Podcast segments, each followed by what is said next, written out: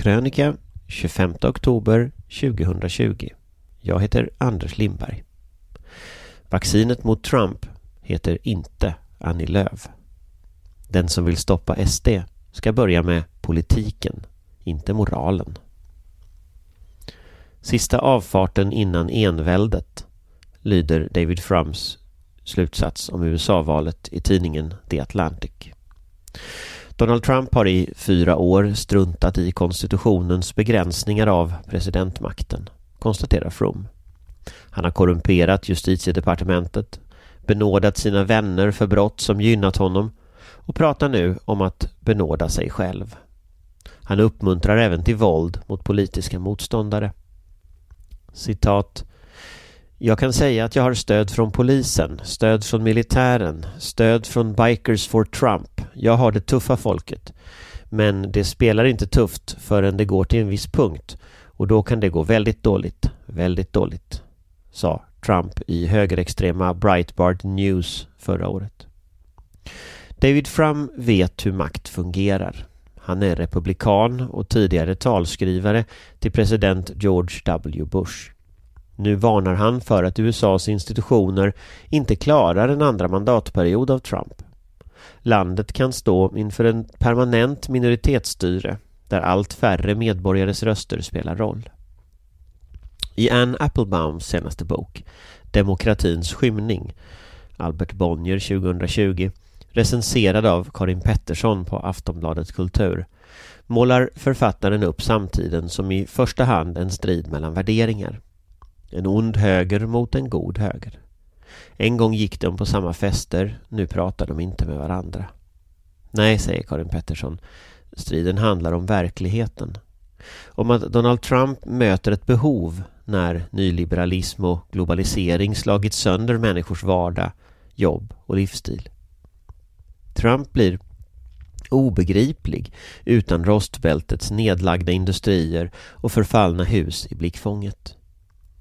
Jag skulle vilja dra analysen ett steg till. Jag tror den liberala världsbild där allt kan reduceras till en idéstrid mellan gott och ont är själva förutsättningen för det som händer nu. Bara när makten tänker bort människors vardag blir politiker som Trump eller Jimmy Åkesson möjlig. Vi kan kalla strategin för centerpartism. Men alla politiska partier och inte minst media har smittats.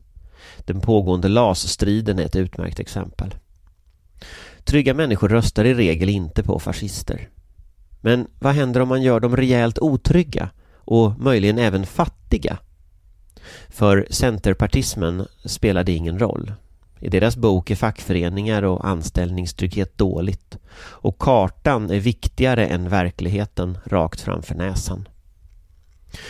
Högerextremism bekämpas genom att man säger ifrån på skarpen och hör sen. I början av oktober avslöjades en högerextrem plan för att kidnappa Gretchen Wilmer, demokratisk guvernör i Michigan.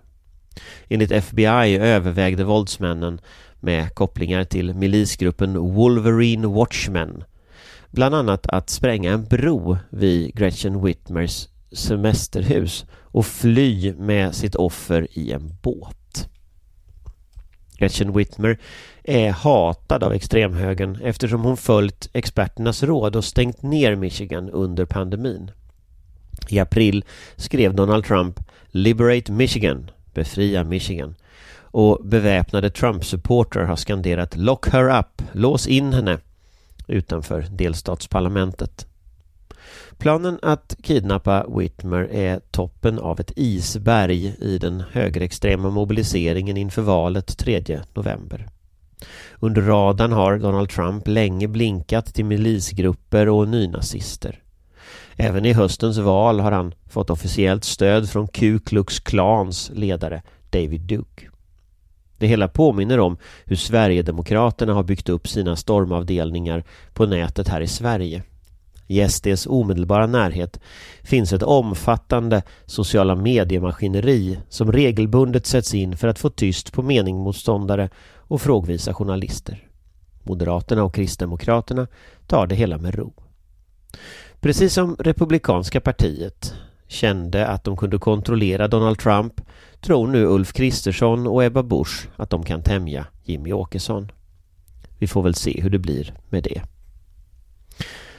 SDs senaste utspel är att de kräver något slags skrivet kontrakt mellan M med M och KD för att låta dem regera. En blåbrun version av januariavtalet där Åkesson skulle spela samma roll som Annie Lööf gör för regeringen Löfven. Tidigare har han lanserat sig själv som justitieminister med makt över polisen och säkerhetspolisen. Om man vill minska risken för detta heter inte vaccinet Annie Lööf utan fördelningspolitik. Inte snack utan verkstad. Svaret stavas högre pensioner och pengar till bättre löner i äldreomsorgen, fler byggkranar och nya jobb, spadar i jorden och rättvis klimatomställning. Svaret på ökad polarisering är politik för mindre klyftor. Men tyvärr är många av januariavtalets punkter rena raketbränslet för de krafter som vill ha ett annat samhälle. Den som vill stoppa SD borde börja där. Inte försöka reducera partival till en fråga om moral. Som man sår riskerar man snart att få skörda. Den riktigt allvarliga lärdomen från USA är hur extremhögern hanterar regeringsmakt och val även i demokratier. Korruption och maktmissbruk är ingen bieffekt. Det är själva kärnan i hur man styr. Våld och hot mot meningsmotståndare och journalister har blivit en del av vardagen. Trump har inte lyckats avveckla USAs demokratiska institutioner på fyra år, men han har allvarligt skadat dem. Samma sak skulle kunna hända här, tro inget annat. Och att säga ifrån på skarpen har inte fungerat särskilt bra hittills. Så ett bra råd är att noga följa den kommande veckans nyhetssändningar från andra sidan Atlanten. Förbered dig på att SD i framtiden kommer att agera ungefär som Trump gör nu. Riktiga demokrater avgår när de förlorar val. Högerextremister har en historia av att inte göra det.